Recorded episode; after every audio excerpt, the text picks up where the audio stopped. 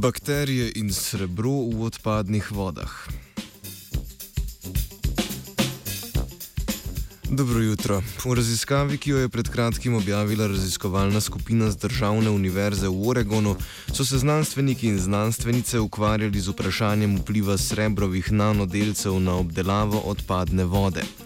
Uporaba srebrovih nanodelcev v zadnjem času eksponentno raste, saj ima srebro zelo učinkovite protimikrobne lastnosti in je lahko uporabljeno kot alternativa antibiotikom.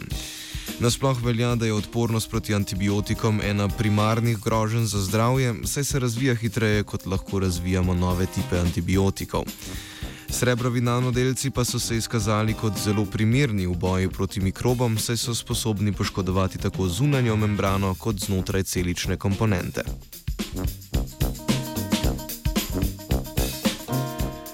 Danes lahko najdemo srebrove nanodelce v številnih komercialnih in zdravstvenih izdelkih, naprimer v oblogah za rane, oblačilih, vodnih filtrih, zobnih pastah in otroških igračah. Ti nanodelci zaradi velike razširjenosti zlahka pridajo v vodotok, vpliv njihove prisotnosti pa še ni dovolj raziskan. Raziskovalke in raziskovalci so se osredotočili na vpliv srebrovih ionov in nanodelcev na planktonske bakterije in biofilme, ki oksidirajo amonijak v odpadnih vodah. Ti so znani po tem, da so eni najobčutljivejših mikrobov uporabljenih v čistilnih napravah, srebrovi delci pa še posebej inhibirajo njihovo delovanje. Številne raziskave so dokazale, da je strupenost srebrovih nanodelcev za oksidirajoče bakterije odvisna od sprostitve srebrovih ionov iz njih.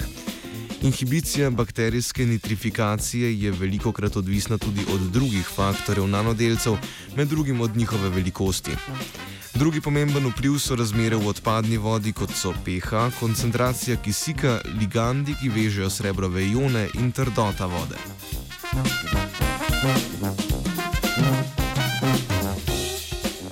Raziskovalna skupina v članku povdarja, da je večina dosedanjih raziskav potekala ob prekratki izpostavljenosti bakterij na onesnažujoče faktorje. Tako se ekstenzivne akumulacije srebrovih nanodelcev na biofilmih prej niso upoštevale. Bakterije, ki oksidirajo amonijak, izvajajo prvo stopnjo nitrifikacije, tako da amonijak oksidirajo do nitrita, kar proizvede energijo za razmnoževanje. Številne bakterije iz odpadne vode z lahkoto rastejo v biofilmih in so lahko veliko bolj odporne od planktonskih na širok spekter onesnaževalnih snovi, vključno z nanodelci.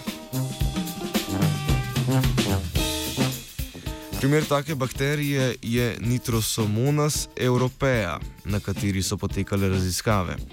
Raziskovalna skupina sklepa, da je primarni mehanizem zaščite pred kontaminacijo povišana biomasa prisotna v biofilmu, kar pomoč, omogoči kelacijo srebrovih ionov in nanodelcev, ki jo povzročajo zgornji sloji bakterij. To spodnjim slojem mikrobov omogoči aktivno delovanje. Antibiotikov kot protimikrobnih snovi torej ne želimo uporabljati, kot to ni nujno. V veliko primerjih nam namreč mikrobi lahko pridajo zelo prav. O ravnovesju med čistočo v različnih fazah je razglabljala Dunja. Poslušate radio študent.